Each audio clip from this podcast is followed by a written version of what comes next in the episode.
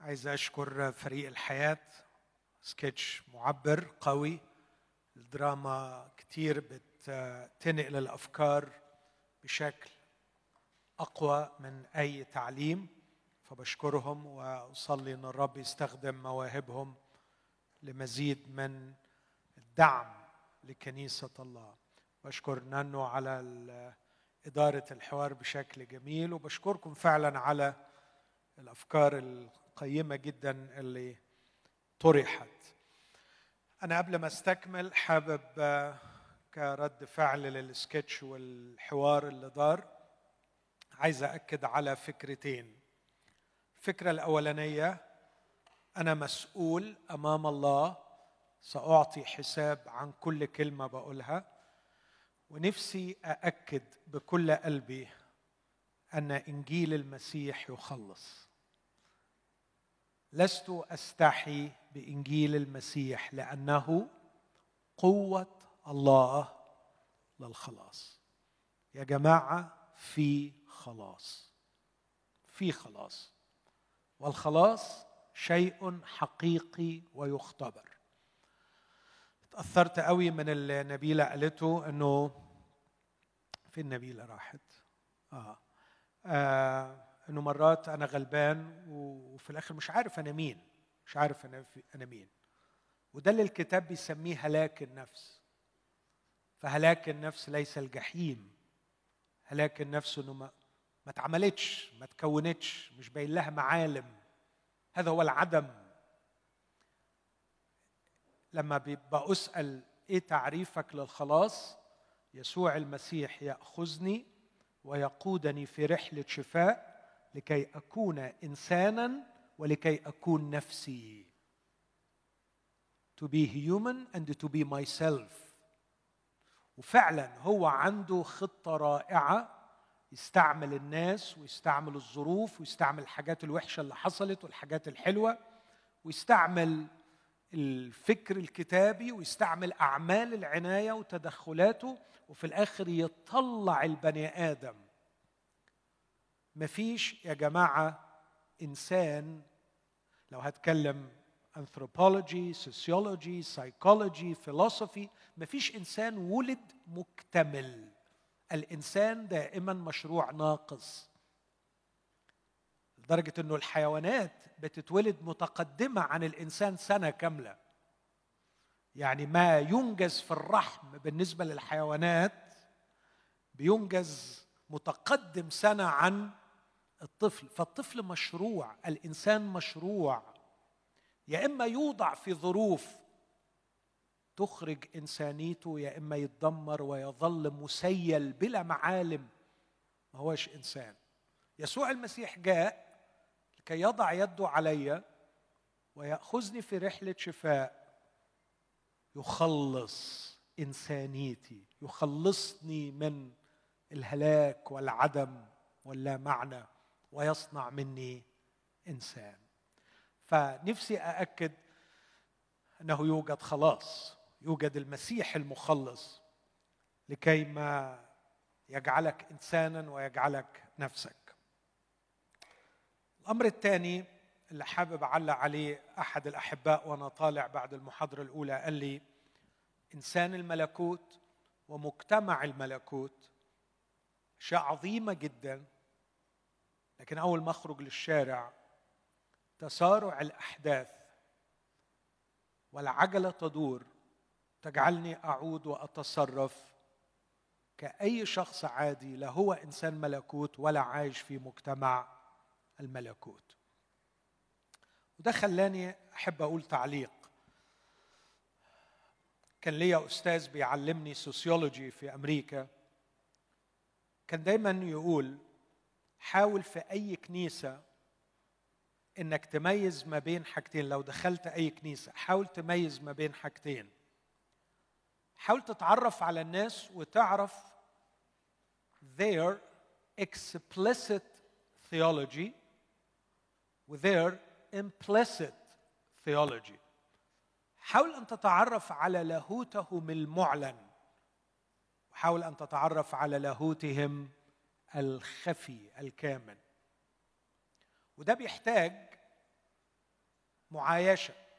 ما هو اللاهوت الذي نعلنه ك آه، إيمان كنيستنا كانتماء طائفي نؤمن بكذا وكذا؟ هذا هو اللاهوت المعلن. لكن بالمعايشة أقدر أتعرف على اللاهوت الخفي ثيولوجي اللي بيمشي البني آدم. الشيء المؤلم إن اللي بيمشي البني آدم فعلا وبيتحكم في تصرفاته مش اللاهوت المعلن لكن اللاهوت الخفي. وده يحتاج مننا يا جماعة يعني مجهود شوية في الاختلاء بالنفس وده اللي كنت حابب أقوله للأخ الحبيب اللي سألني السؤال وأنا طالع. الموضوع محتاج مننا فعلا اختلاء ومجهود. هو إيه؟ بجد بجد اللي أنا مؤمن بيه. مش إيه اللي أنا بأعلن إني مؤمن بيه لا إيه اللي أنا بجد أنا مؤمن بيه. زي بالظبط الكلام اللي اتقال من شوية أنا بقول بكلامي وأعلن إن الله صالح. بس إيه اللي أنا بجد مؤمن بيه؟ أنا مرعوب منه وخايف ومش مأمن له. هو بيعمل أي حاجة في أي وقت من غير أي حساب أنا مش مطمن له. الزواج ليس هو معنى الحياة. طبعا أكيد مش الزواج هو اللي بيعطي المعنى للحياة بس البنت هتموت على الجواز. وكئيبة جدا لأنها ما اتجوزتش بس ال explicit theology لا الزواج لا يعطي معنى للحياة ومش هو أهم حاجة في الحياة. لكن اللاهوت بتاع طنط سعدية من زمان ظل راجل ولا ظل حيط هو اللاهوت اللي ممشيها.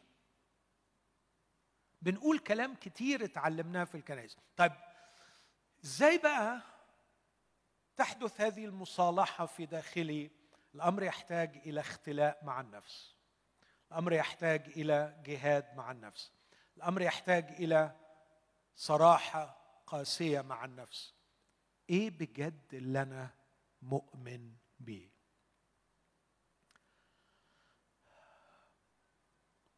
في مقولة صحيحة قالها واحد من علماء النفس. لن يتحمس الإنسان للتغيير إلا إذا كانت تكلفة البقاء بقاء الوضع على ما هو عليه أكثر جدا من تكلفة التغيير. يوم ما تحس إنك بتخسر بتخسر بتخسر ساعتها هتقعد مع نفسك وتختلي وتحاول إنك تغير. الأمر الثاني اللي أقوله إنه إحنا محتاجين نحب بعض بالصدق. للدرجة التي فيها نشعر بالأمان إنه نطلع ال implicit theology بتاعنا من غير ما ندان محتاج أشعر بالأمان في المجتمع الكنسي وعلاقتي بإخواتي للدرجة اللي أبقى مطمن لو طلعت ال theology الحقيقي بتاعي محدش يلومني. لو تتذكروا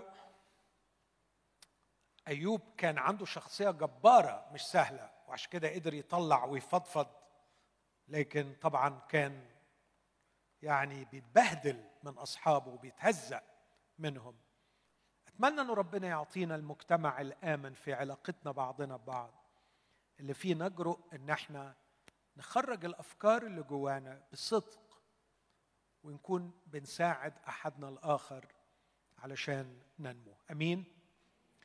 آه ما عنديش وقت كتير لكن هجتهد بسرعة. أستكمل معكم آخر ملامح لعظة الملك يسوع ملكنا الحبيب وهو يعلمنا. بعد ما علمنا أن النضوج الروحي يحمينا من التدين الشكلي وأن النضوج الروحي سيساعدنا لكي نحدد إيه الحاجات اللي valuable إيه الحاجات المهمة إيه ال values بتاعتنا وأهمية هذا الأمر. وإن إحنا محتاجين نراجع نفسنا في الأمر ده. وبعدين إزاي فهمنا كلمة العين وأهمية الرؤية؟ ودي رؤية العقل فالمفروض أضبط ال world view أو المنظومة الفكرية. وبعدين فهمنا إنه أقدر أحكم على نفسي إن القيم بتاعتي خربانة أو ال world view بتاعي خربان. لو لقيت إن نمط الحياة اللي أنا عايشه إنه متمركز حول المال والذات وليس متمركز حول الله. وإني بحاول أستعمل الله لخدمة أغراضي مش بستعمل إمكانياتي لخدمة الله. لكن أعتقد إنه الكلام الأخير ده عن نمط الحياة آه، وعن إن أعيش لخدمة الله وأعيش لملكوت الله وأقيم الأشياء السماوية هيخلق سؤال طب وماذا عن صعوبات الحياة واحتياجاتي الشخصية وما أحتاج إليه من يوم إلى يوم؟ الملك يعطينا هذا الحديث الرائع ابتداء من عدد 25 متى 6 25 يدي تعليم جميل أضع تحت عنوان النضوج الروحي يحرر من القلق. لذلك أقول لكم لا تهتموا لحياتكم بما تأكلون وبما تشربون ولا لأجسادكم بما تلبسون. أليست الحياة أفضل من الطعام والجسد أفضل من اللباس؟ انظروا إلى طيور السماء إنها لا تزرع ولا تحصد ولا تجمع إلى مخازن وأبوكم السماوي يقوتها. ألستم أنتم بالحر أفضل منها؟ ومن منكم إذا اهتم يقدر أن يزيد على قامته ذراعا واحدة. ولماذا تهتمون باللباس؟ تأملوا زنابق الحقل كيف تنمو لا تتعب ولا تخزل ولكن أقول لكم إنه ولا سليمان في كل مجده كان يلبس كواحدة منها. فإن كان عشب الحقل الذي يوجد اليوم ويطرح غدا في التنور يلبسه الله هكذا. أفليس بالحري جدا يلبسكم أنتم يا قليلي الإيمان؟ فلا تهتموا قائلين ماذا نأكل أو ماذا نشرب أو ماذا نلبس. فإن هذه كلها تطلبها الأمم لأن أباكم السماوي يعلم أنكم تحتاجون إلى هذه كلها. لكن اطلبوا أولا ملكوت الله وبره وهذه كلها تزاد لكم. فلا تهتموا للغد لأن الغد يهتم بما لنفسه يكفي اليوم شره الملك يسوع كان جميلا وعظيما في إنه وهو يحاول أن يحررنا من القلق لم يستعمل سلطانه كمعلم فقط لا تقلقوا وأنا بقول لا تقلقوا يبقى لا تقلقوا ما عملش كده. لكن قادنا في رحلة تساؤلات جبارة تستثير عقلنا لكي نعمل المنطق ونفكر بطريقة منطقية. شيء بديع في هذا الملك. لو تلاحظوا لم يقتبس نصا كتابيا لم يقتبس آية ولم يحاول أن يستعمل سلطانه بيقول أنا بقول وخلصت. لكن كان يستثير فينا العقل لكي نستعمل المنطق. وادي أمثلة بسيطة جدا علشان الوقت. اولا هل تؤمن أنه أعطى الأعظم؟ إذا كان أعطى الأعظم فهو لا يمكن أن يمنع ما هو أقل. هل هو يعتني بالأقل؟ إذا كان يعتني بالأقل فالمنطق يحتم أنه يعتني بما هو أهم.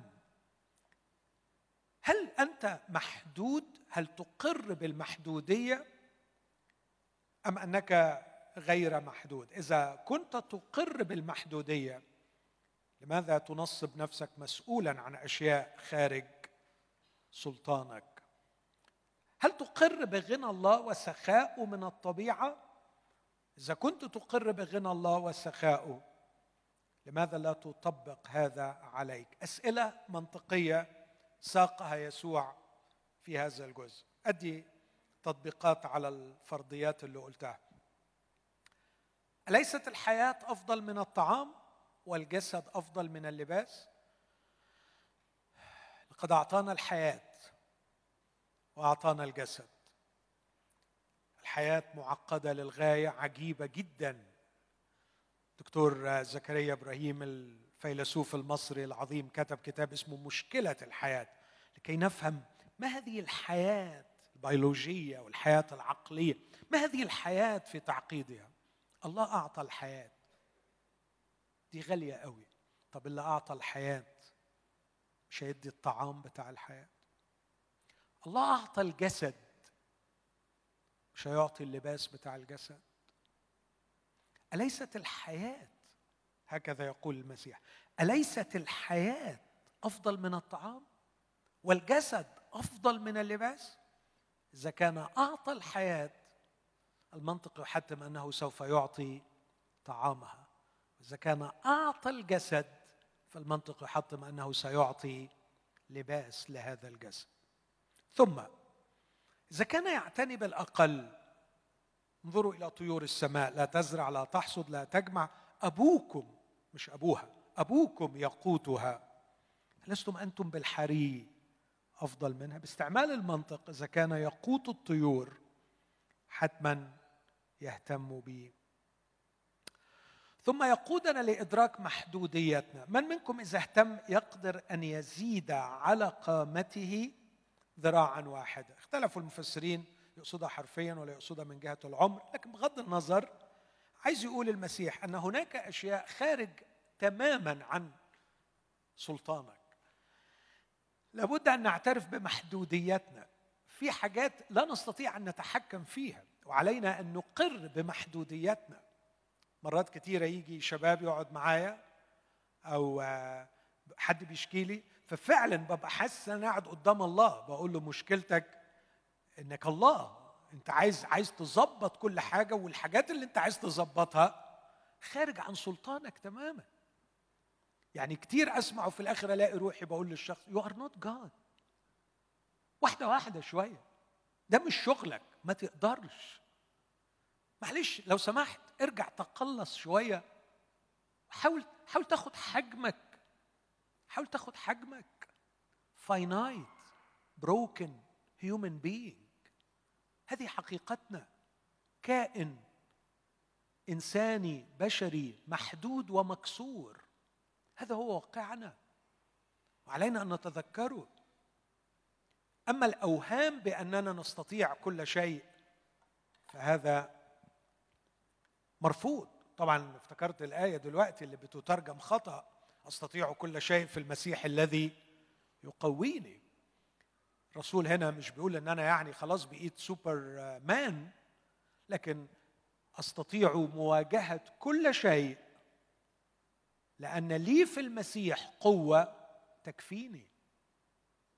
أنا لن أخاف من الجوع ولن أخاف من السجن ولن أخاف. سأواجه كل شيء مش لأن أنا سوبر هيرو لكن لأن لي في المسيح قوة تكفيني. عندما أتعرض للموقف المسيح مش هتخلى عني. وسأجد لنفسي في المسيح قوة تمكنني من مواجهة هذا الأمر. ثم يشير إلى صفة من صفات الله جماله وسخاؤه وثراؤه تأملوا زنابق الحقل. زنابق الحقل بتطلع يوم وبتنشف وبتموت. لكن الله أبدع في ال design بتاعه في جمال الألوان بتاعتها. فبيقول من الطبيعة نستطيع أن نستنتج شيء عن شخصية الله إنه ثري وغني وسخي فعلينا أن نثق في سخائه من جهتنا. أفليس بالحري جدا يلبسكم أنتم يا قليلي الإيمان. طب أمال هل ده معناه إن إحنا نفهم إنه حياة المؤمنين هتبقى حياة وردية حياة آه، كلها سهلة. أبوهم السماوي معتني بيهم بيوفر لهم كل شيء. هذا تسطيح واختزال مخل لأنه الحياة المسيحية لا ينظر إليها ابدا من بعد واحد لكن الحياة المسيحية ينظر إليها من أبعادها المختلفة. وأبعادها المختلفة هي كالآتي. اولا الأهم جدا عند الله أبي هو الغرض من تركه لي في هذا العالم أن يكون ويطور الشخص الذي سيساكنه في السماء.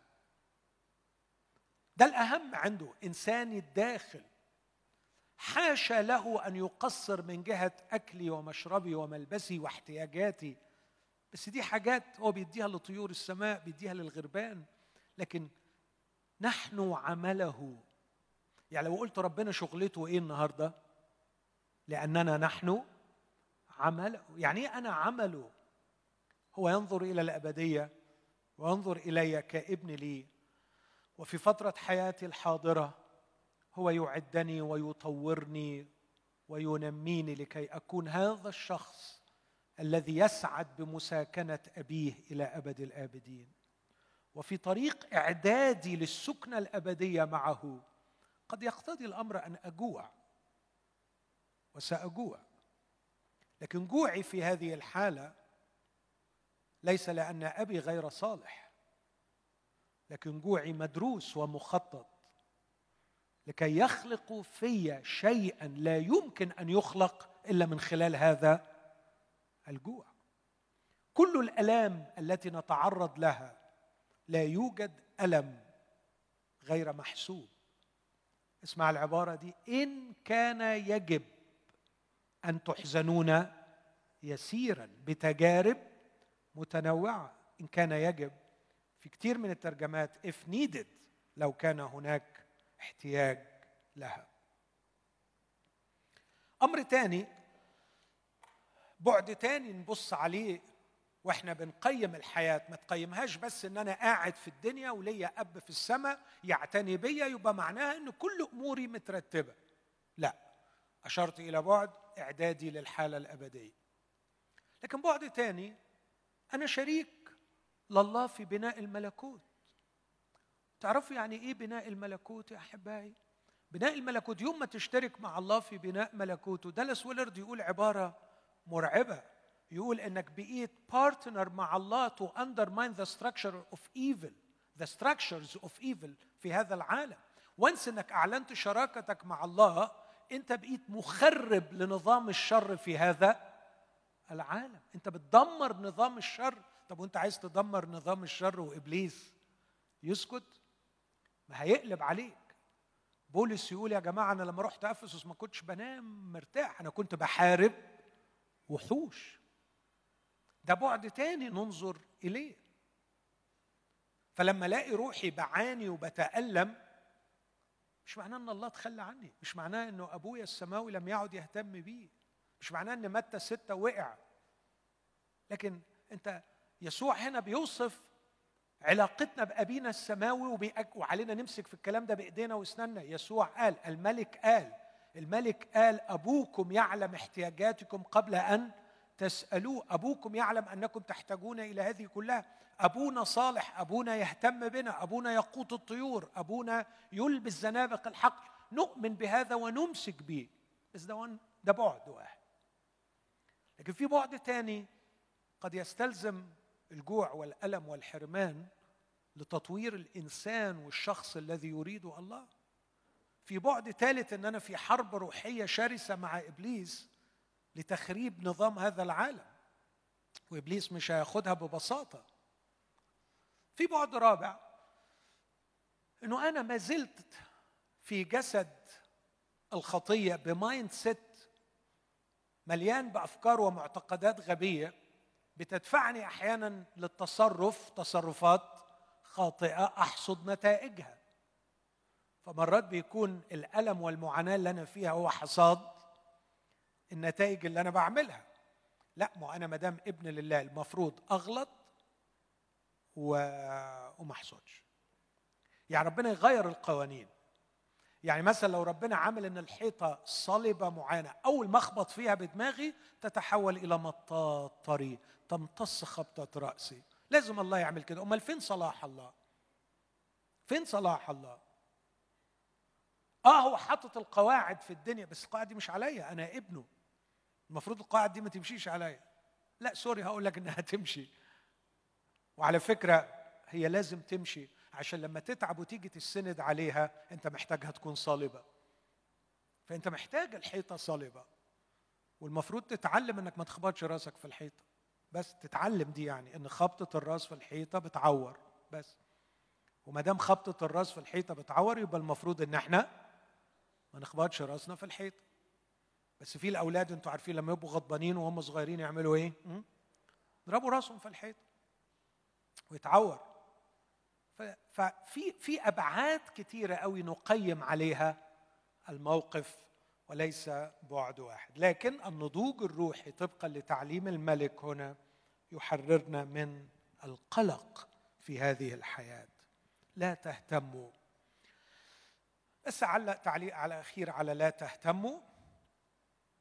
آه كلمة لا تهتموا تعني لا تصيروا الشيء هما مش إنك تبقى شخص كيرلس لازم تفكر لازم تخطط لازم تكون بتاخد الأمور بجدية لكن لا تصير الشيء هما مقلقا مزعجا.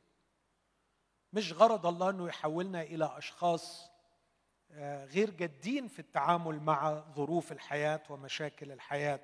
وندخل في حالة من التوكل خلاص ربنا هيحلها وما ناخدش يعني الخطوات اللازمة. لكن وأنا باخد الخطوات اللازمة أنا أعرف إني محدود وأتكل على الله.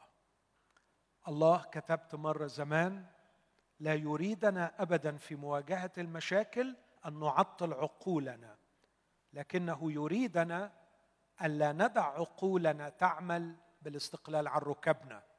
يعني الله عايز العقل يشتغل وعايز كمان السجود والصلاة أمامه وهي دي الطريقة اللي أبونا بيطورنا بيها.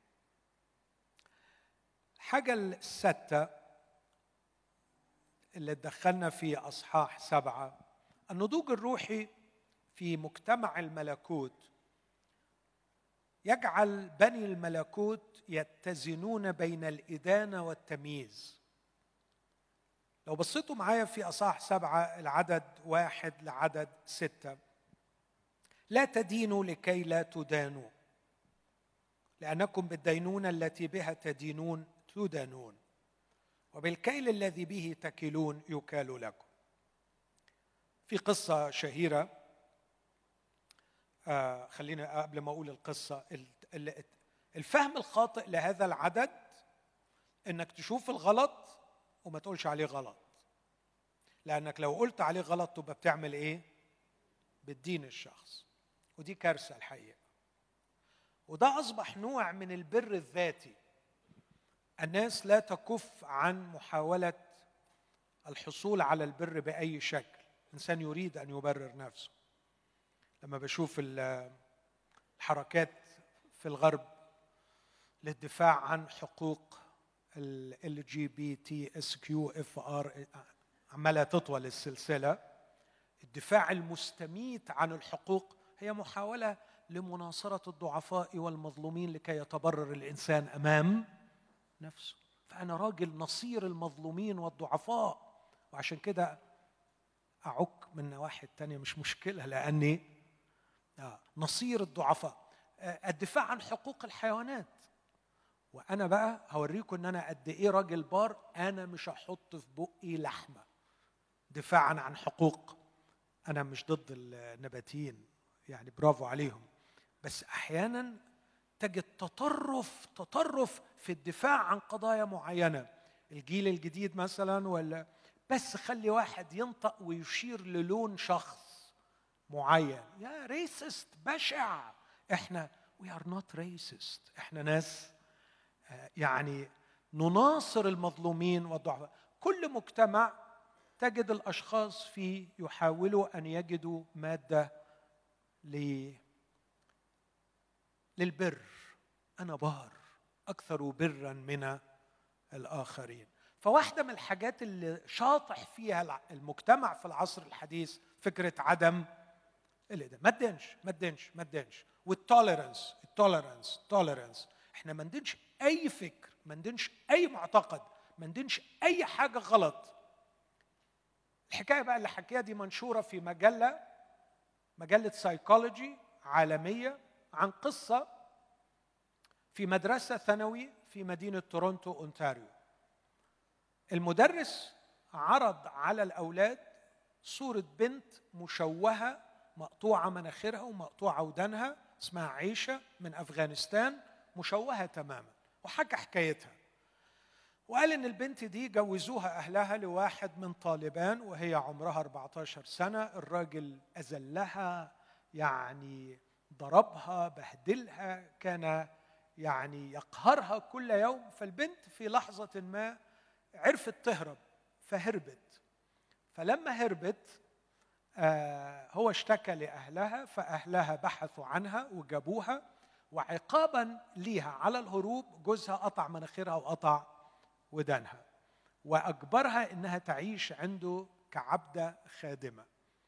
البنت بعد محاولات مضنية عرفت مرة تاني تهرب وهربت وإحدى منظمات العمل الإنساني التقطتها وهجرتها وأنقذتها من هذا الجحيم اللي كانت بتعيش فيه. فالمدرس بعد ما عرض الصورة والقصة سأل الأولاد في الفصل إيه رأيكم في اللي عملته هذه الثقافة في هذه الطفلة؟ ما رأيكم؟ وإذ بصمت القبور يخيم على الجميع.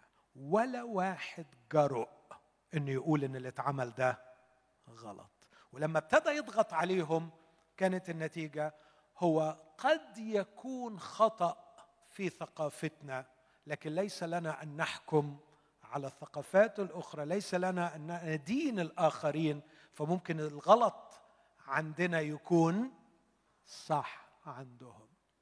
وأصبح اليوم وهذه كارثة أن إدانة الخطأ خطأ أكثر من الخطأ الذي يدان. فأصبحنا نخاف من إدانة الخطأ لأنه ده في حد ذاته بقي خطأ أكثر بشاعة من الخطا وما حدش فينا حابب إنه ينظر إليه في المجتمع إنه شخص وحش شخص ديان شخص بيقول على الغلط غلط فأحسن حاجة إنك tolerance tolerance ف يعني مش من حقي. okay. ده يلزمني أن أعرف ما الذي يقصده المسيح بلا تدين لكي لا تدان. الرب يسوع الملك لم يكن يقصد اطلاقا أن لا نسمي الأشياء بأسمائها. ولم يكن يقصد اطلاقا أن لا نقول على الخطأ أنه خطأ. لكن كمل بعديها. المسيح كان يتكلم عن شخص مرائي. شخص مرائي. كمل الكلام من فضلك. النص بيطلع لنا لو سمحت. ولماذا تنظر القذى الذي في عين أخيك وأما الخشبه التي في عينك فلا تفطن لها. أم كيف تقول لأخيك دعني أخرج القذى من عينك؟ وهل الخشبه في عينك؟ يا مرائي يا مرائي أخرج اولا الخشبه من عينك. وحينئذ تبصر جيدا أن تخرج القذى من عين أخيك. رب يسوع يقصد بالإدانة هنا أن شخص يعمل شرا كبيرا لا يريد أن يتوب عنه لا يريد أن يعترف به ويتوب عنه لكن بحيلة خادعة حقيرة كل اللي يعمله إنه يحاول أن يتصيد الأخطاء الصغيرة في الآخرين ويشير إليها ويتكلم عنها فيهدئ ضميره ويظهر أمام المجتمع على أنه بار. إنه بإدانته للآخرين يهرب من إدانة نفسه. هذا هو نوع الدينونة التي يرفضها المسيح. لكن المسيح علمنا في بقية الأناجيل وعلمنا في الرسائل إنه علينا أن نسمي الخطأ باسمه ونقول على الشر شر. أكيد بروح الوداعة أكيد بالمحبة أكيد بغايه واحدة وحيدة إنقاذ أخي. أنا لو بحبه فعلا وشافه بيغلط أبسط مبادئ المحبة من رد خاطئا عن يعقوب خمسة. من رد خاطئا عن طريق ضلاله. يعمل إيه؟ يخلص نفسا من الموت ويستر كثره من الخطايا. أنا لما أقول لأخويا اللي أنت بتعمله ده غلط وخلي بالك ده نتائجه مروعة. أنا بخلصه من طريق مؤذي مهلك. عندما يعلمنا المسيح قائلا لا تدينوا لكي لا تدانوا لم يكن يقصد ابدا أن لا نسمي الأخطاء بأسمائها. لكن كان يقصد أننا لا نتصيد أخطاء الآخرين وندين الآخرين لتغطية خطأ أكبر. نحن ساقطين فيه. أوكي؟ لو أنت عايش في الخطية وعمال تعمل خطايا من فضلك اهتم اولا بخطايا نفسك ومالكش دعوة بخطايا الآخرين. لكن لو أنت شخص بتحب ربنا وبتحب أخوك وعايش في النور في محضر الله ما يصحش إنك تشوف أخوك ماشي في طريق شرير بيعمل شيء خاطئ وتقول لا أنا مش هتكلم علشان ما دينش طبعا لما أقول مش هتكلم يعني يعني تتكلم بس تتكلم معاه مش تروح تتكلم عنه لأنك بتبحث عن حل لعلاج هذا الشخص. وليس مجرد استمتاع بالنميمة والكلام عن المخطئ لأنه غالبا بيكون بينصرف تحت هذا الأمر إنه واحد بيستمتع إنه يذكر أخطاء الآخرين عشان يبرر نفسه في الأخطاء التي هو يرتكبها. لكن كمالة الكلام غريب شوية. الملك يقول لا تعطوا القدس للكلاب ولا تطرحوا دراركم قدام الخنازير. دي واحدة من الآيات الصعبة جدا.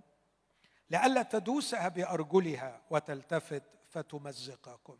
اللي أقدر يعني أناقشه هنا أقول إنه حاشا للرب إن يكون يقصد إن في بعض الناس زي الكلاب والخنازير. وحاشا للرب إنه يكون يقصد إنكم يعني ما تبشروش الناس اللي ما يفهموش. للاعتبارات الآتية. يسوع هو قدوس الله وهو الدرة العظمى. للسماء. أعطته السماء لنا ونحن في منتهى الشر والخطية. الله بين محبته لنا ونحن بعد خطاة مات المسيح لأجلنا.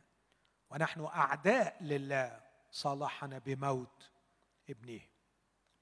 الامر الثاني لا يمكن أن الرب يريدنا أن نرى بعض الناس وكأنها ردة مرة أخرى لليهودية. أن نميز الناس ونرى كلاب وخنازير. حاشا للرب أن يقصد هذا.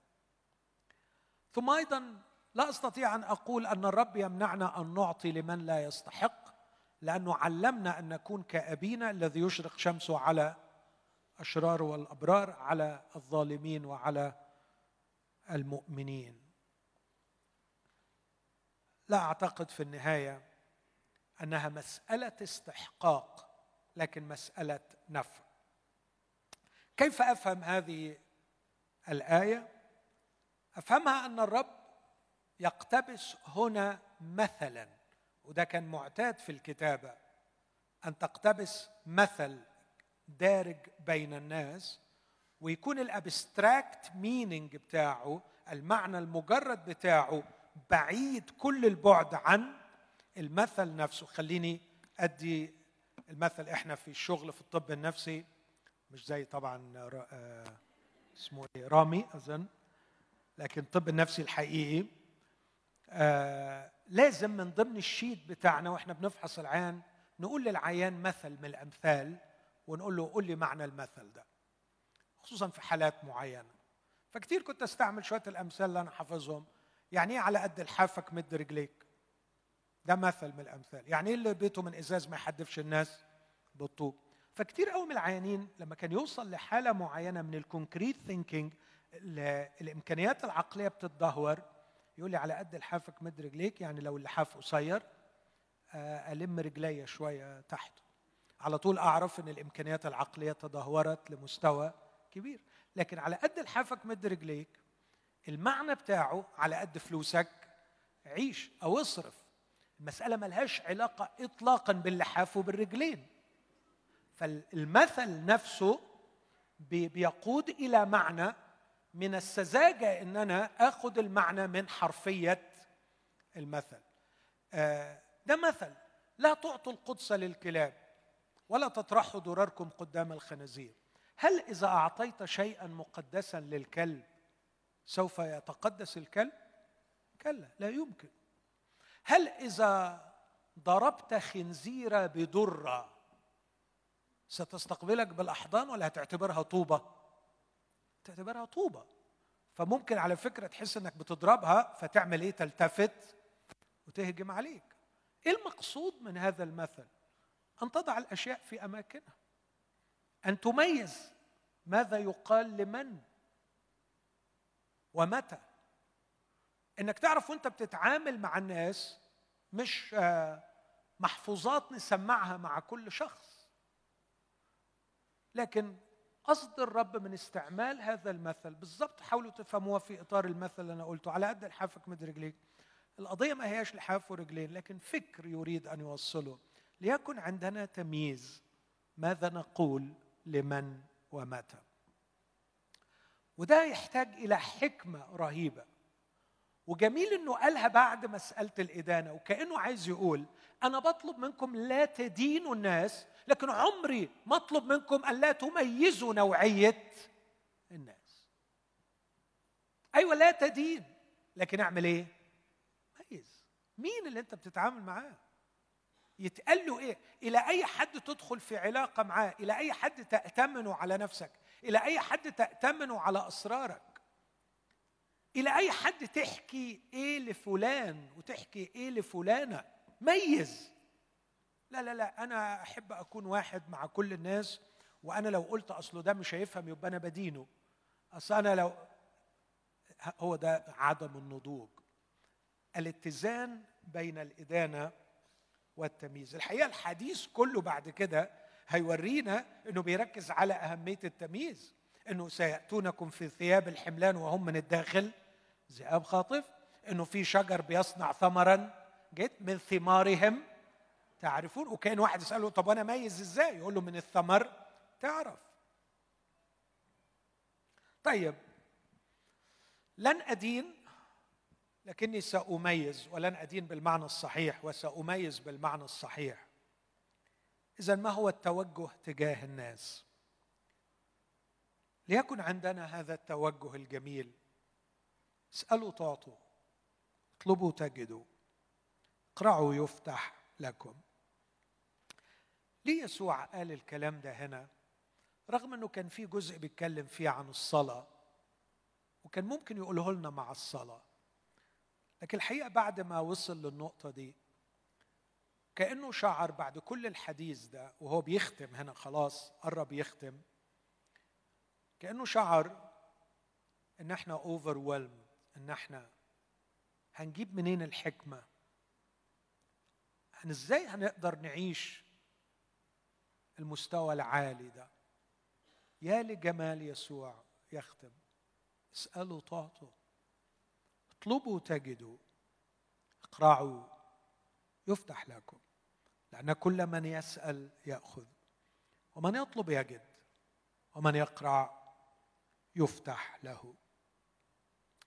أما أي إنسان منكم إذا سأله ابنه خبزا يعطيه حجرا؟ وإن سأله سمكة يعطيه حية؟ فإن كنتم وأنتم أشرار. تعرفون أن تعطوا أولادكم عطايا جيدة. فكم بالحري أبوكم الذي في السماوات؟ يهب خيرات للذين يسألونه. أنا عارف أن الكلام ده آه، عند البعض ممكن يقول بص أنا جربت الحكاية دي وهو ما سمعليش. وأنا من جوايا بهنيك إنه ما سمعلكش وببارك لك إنه ما سمعلكش. لأني بصراحة أعرف أبويا السماوي أكتر معرفك وأثق فيه مع كل الاعتذارات الواجبة أثق فيه أكثر مما ريحوني انت وقوليها يعني؟ آه عشان بس أبويا ما بيغلطش. وأبويا غني جدا ومحب جدا وجميل جدا وعمل معايا حاجات طول عمري لا يمكن أنساها له. سخي سخاء غير عادي كريم حكيم. بس عنده مشكلتين معايا.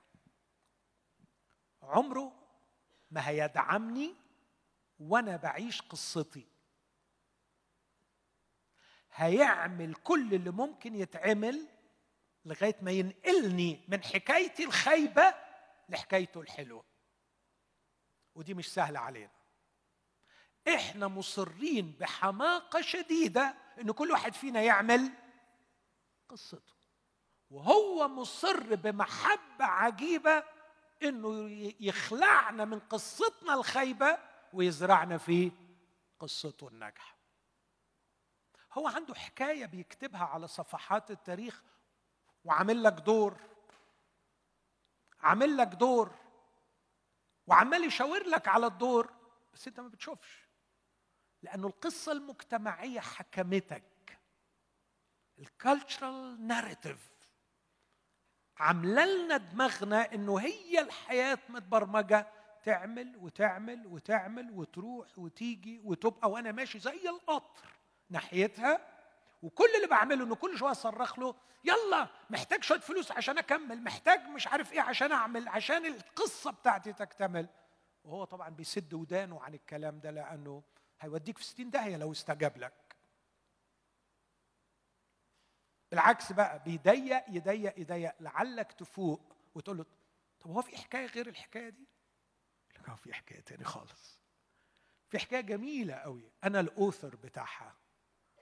وعايز انقلك فيها لأنه يا مسكين ليك دور فيها صدقني ليك دور فيها صدقني ليك دور فيها. مخلوقين في المسيح يسوع لأعمال صالحة. سبق الله فأعدها لكي نس... آه, آه أنا سمعت الآية دي قبل كده وأول ما سمعتها رحت للقسيس فلان. القسيس طب اشمعنى القسيس فلان؟ عشان ده مشهور شوية.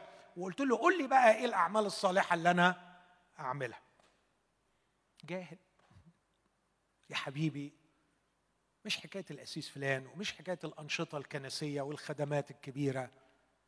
في حكاية عظيمة ربنا بيعملها. ودورك محدش يعرفه إلا هو. خليك حساس وثق إن في قصة إلهية وإنت ليك دور فيها. الأمر الثاني اللي يخليه ما بيستجبش الصلوات لأنه اسمعني من الآخر وما تزعلش مني وإذا زعلت أصالحك بعديها. ليس قصد الله في الحياة سعادتنا لكن قداستنا.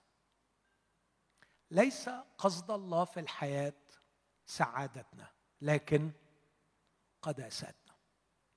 إذا زعلت مني وصعبت عليك نفسك قوي قلت ليه أصلا أنا بحب أكون مبسوط دايما؟ وعايز أبقى happy أنا هقول لك اقرأ مش لمؤمنين. اقرأ لأعظم عالم نفس في العصر الحديث عمل أبحاث عن السعادة. روي باوميستر. واقرأ لكاتبة عملت كتاب New York Times كلمت عنه اسمها إيميلي إصفهاني سميث. وعنوان الكتاب إنه It's not about happiness تعرفوا إنه آخر إحصائية إنه كل 40 ثانية في واحد بينتحر وأعلى نسب الانتحار في أعلى الدخول في العالم. هل تعرفوا إنه أكثر ناس بتكتئب في العالم هم الباحثين عن السعادة؟ لما نقول إن غرض الله من ناحيتنا مش السعادة مش لأن إلهنا نكدي لكن لأنه عنده شيء أفضل من السعادة. إيه اللي أفضل من السعادة؟ المعنى. إن يكون لحياتك معنى. وأنا الحقيقة بكل سرور أشتاق إلى حياة لها معنى. عن إني أعيش مبسوط. أرحب بالألم والجهاد والتعب. أرحب بالسجن وبالموت. لأن المعنى البر كامو يقول المعنى وده ملحد. المعنى في الحياة هو الشيء الوحيد الذي نستحق أن نعيش من أجله ونموت من أجله. الحاجة الوحيدة اللي تستاهل إنك تعيش لها والحاجة الوحيدة اللي تستاهل إنك تموت من أجلها.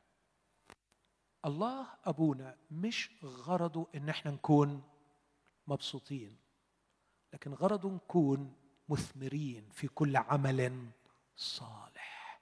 بنعيش حياة ليها معنى. بحيث إن أيامي تبقى كاونتس لا مهمة. يوم بيعد يوم مهم لأنه حياتي ليها معنى.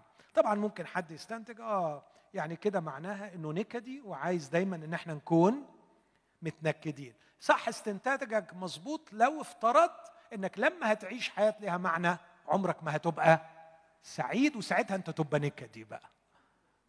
مش الله اللي نكدي تخيل لما تعيش حياة لها معنى ومش سعيد يبقى انت اللي فيك حاجة غلط.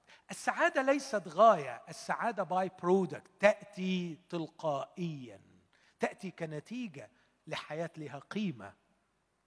والحياة التي لها قيمة هي الحياة التي لها معنى. الملك يسوع كان رجل أوجاع ومختبر الحزن بس في ليلة ألامه بطل. من أجل السرور الموضوع أمامه احتمل الصليب. ويقول لتلاميذه لكي يثبت فرحي فيكم ويكمل فرحكم. في نوع من الفرح للمسيحي فرح بيأتي كباي برودكت يأتي كنتيجة من العيشة بحياة ليها معنى حياة مثمرة في كل عمل صالح. اذا أبونا يستجيب الصلاة يستجيب الصلاة عندما نكون في قصته يستجيب الصلاة طالما أن صلواتنا متجهة لحياة ليها معنى مش لمجرد إنه حياه نتبسط فيها. لا مش غرضه يبسطنا. تخيل لو أنا كأب قلت لك أنا ربنا اداني ولدين وأنا مكرس كل إمكانياتي علشان أبسطهم. أنا على فكرة بيجي لي ناس كتير كده في في العيادة وأقول له هو ده اللي دمركم؟ إن هذا الأب الجاهل خلى كل غرضه في الحياة إن هو يبسطكم. وكانت النتيجة إنه دمركم. تصوروا أنا هقول الكلمة دي واللي عايز يشوفها مبالغة يشوفها ممكن نتناقش. أنا رأيت أشخاص عندما أعطاهم الأباء ثروات جبارة إمكانياتهم العقلية انهارت تحت ثقل الفلوس الكتير. فعلا إمكانياته العقلية العيال اتجنت. اتجنت اتجنت رسميا. يعني بتتعالج من أمراض عقلية لأنه التكوين العقلي لم يتحمل ثقل الثروة. لم يتحمل ثقل إنه يكون عنده المبلغ ده كله. انهار البنيان العقلي. ده ناهيك بقى عن البنيان الأخلاقي اللي الصبح عمال يضيع. روح الساحل واتفرج. روح واتفرج. وشوف الانهيارات اللي من كل شيء لأنه التكوين الأخلاقي مش متحمل الثروة. عايزين أبونا السماوي يعك العك اللي بيعملوه الأباء ده؟ لا حاشا لي أبويا عايزني راجل ناجح. أبويا عايزني شخص مثمر. أبويا عايزني حد مش بيعيش من أجل السعادة لكن بيعيش من أجل الإثمار والنفع وإتمام رسالة في هذه الحياة. وعشان كده أنا مصدق الملك يسوع وهو بيقول لي على فكرة أبوك يعلم أنك تحتاج إلى هذه كلها وأبوك سيملأ كل احتياجك. أنا مصدقه من كل قلبي. وإن كنت أعرف إن في عشرات الصلوات لم تستجب. مش لأن الكلام ده غلط. أنا اللي كنت بصلي غلط. أنا اللي ما كنتش في وضع صح. أنا اللي مش منسجم مع أبويا في قصته. وأحتاج إلى إعادة برمجة نفسي. ياما مرات قعدت أصلي الحاجات كتير.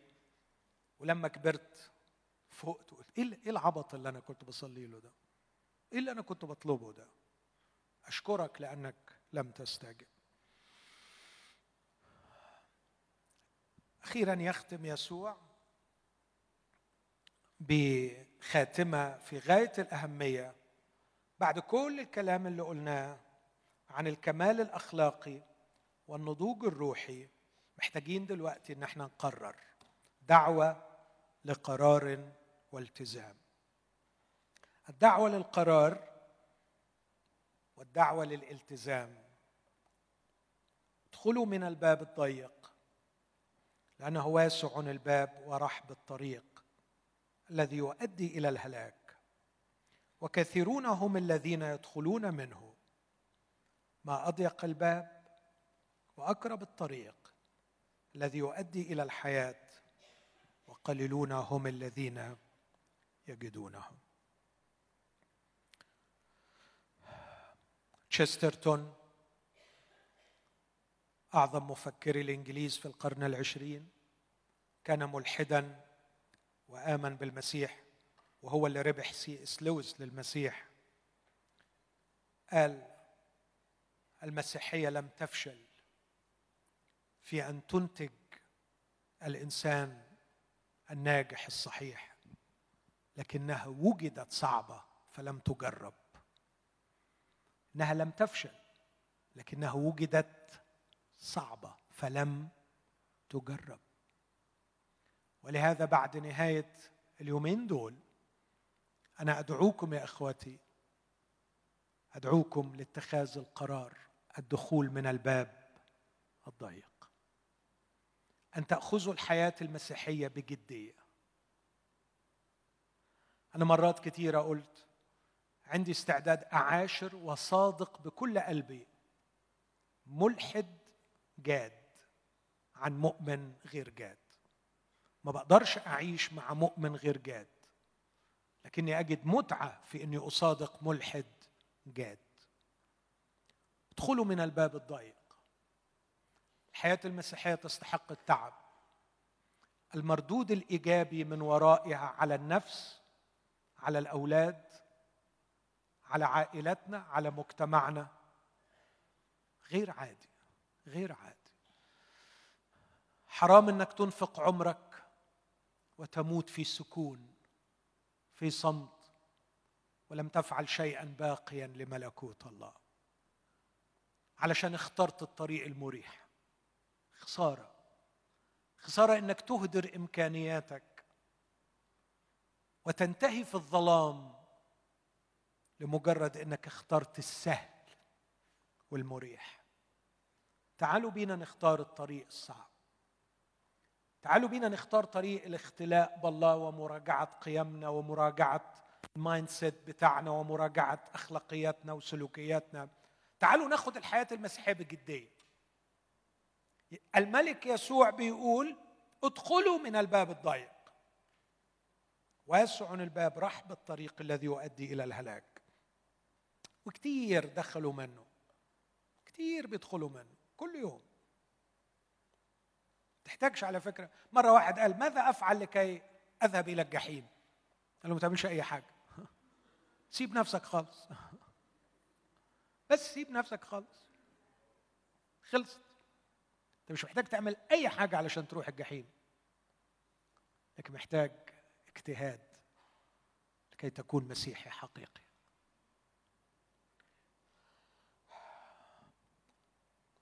محتاجين لاتخاذ قرار والتزام بأن ندرك أن هناك طريقان واسع وضيق. لكن كمان محتاجين نعرف إن في شجرتين احترزوا من الأنبياء الكذب الذين يأتونكم بثياب الحملان ولكنهم من الداخل ذئاب خاطفة من ثمارهم تعرفونهم تعرفونهم؟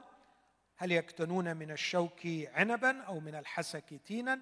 هكذا كل شجرة جيدة تصنع اثمارا جيدة وأما الشجرة الردية فتصنع اثمارا ردية. لا تقدر شجرة جيدة أن تصنع اثمارا ردية ولا شجرة ردية أن تصنع اثمارا جيدة. وبعدين في النهاية كل شجرة لا تصنع ثمرا جيدا تقطع وتلقى في النار.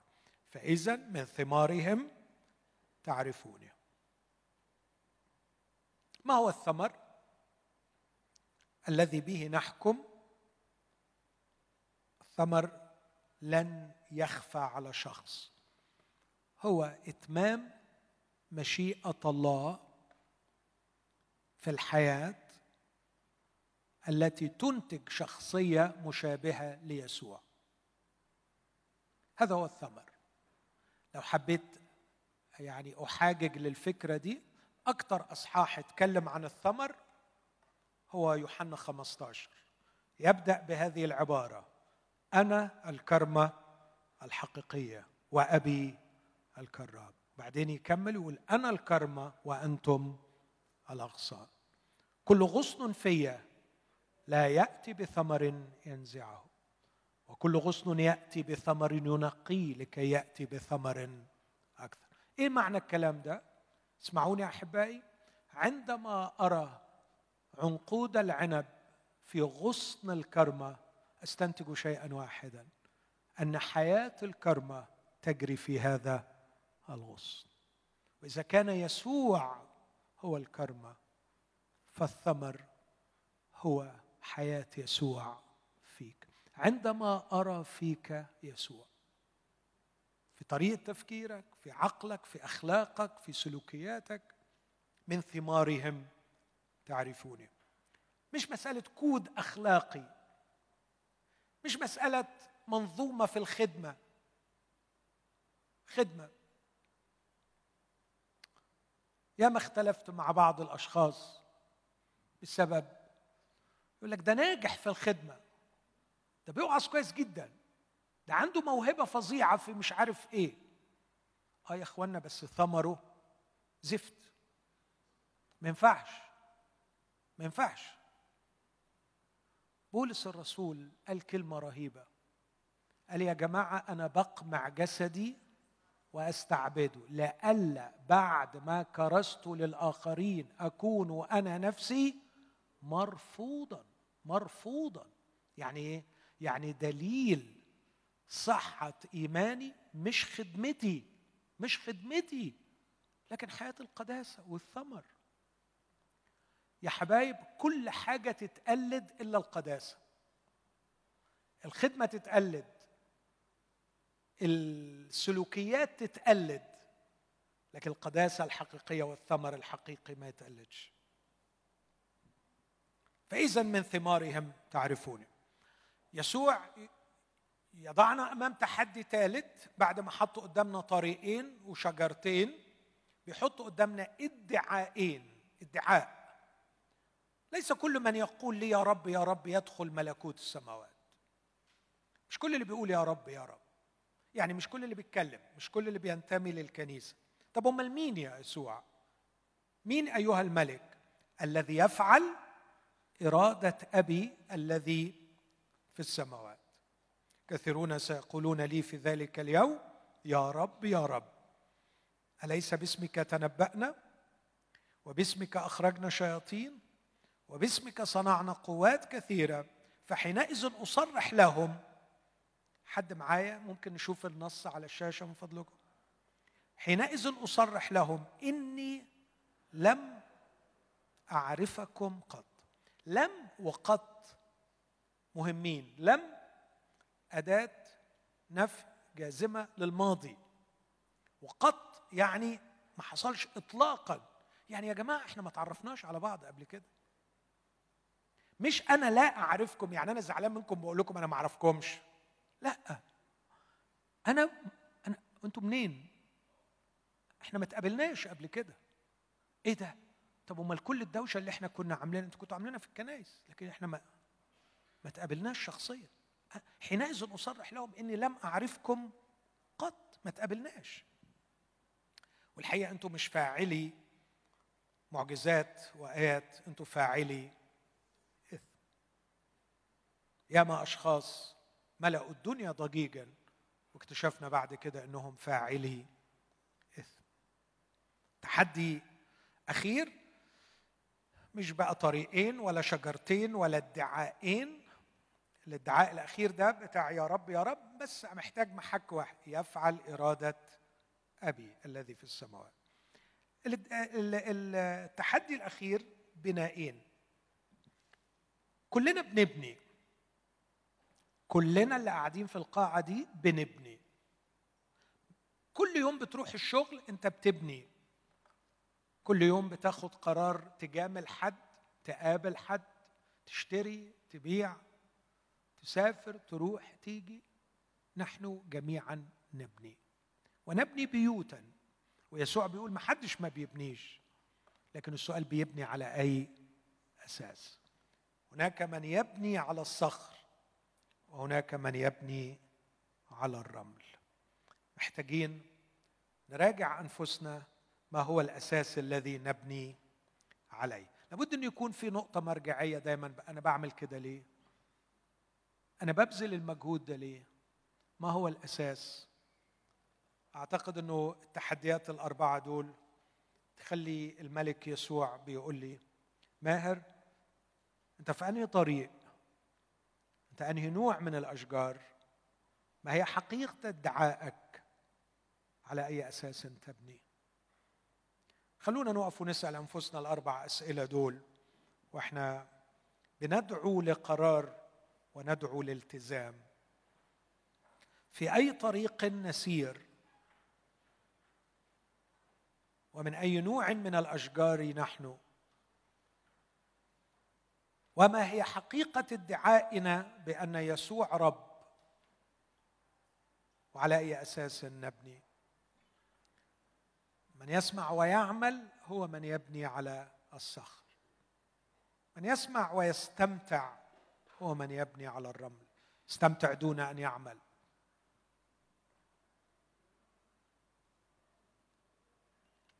أنا بدعو كل واحد وواحده فعلا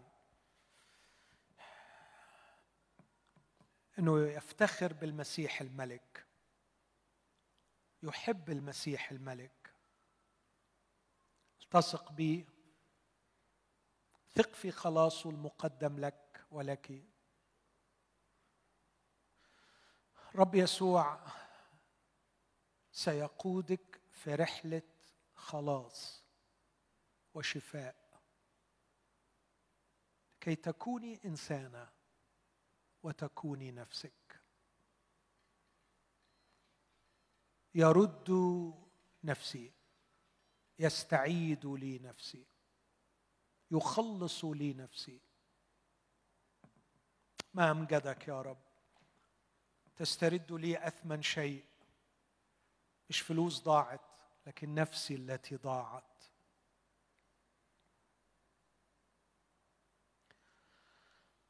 صلي معايا أعني لكي أسلك في الطريق الضيق. أشتاق أن أكون شجرة جيدة. تصنع ثمرا جيدا. واعني لكي ما يكون ادعائي بأنك ربي دعاء صحيح. أفعل إرادة أبي. وعلمني يا رب بعد ما سمعت كل الكلام ده أن لا أكون خادعا لنفسي لكن سامعا عاملا بالكلمة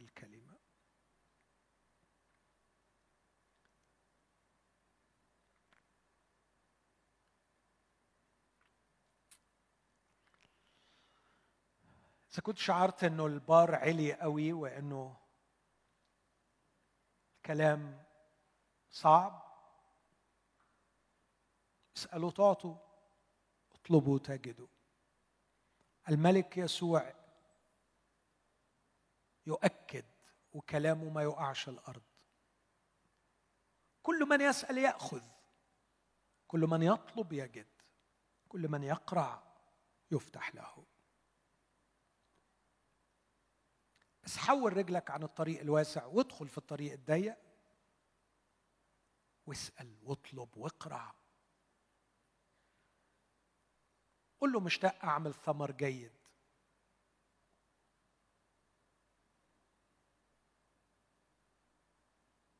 قل له مشتاق أعمل إرادة أبي؟ كل إمكانيات الله تحت أمرك إذا أردت أن تعمل إرادة الله. إمكانيات مادية؟ إمكانيات نفسية. هتشوف كيف أن الله يستجيب ويفتح الأبواب.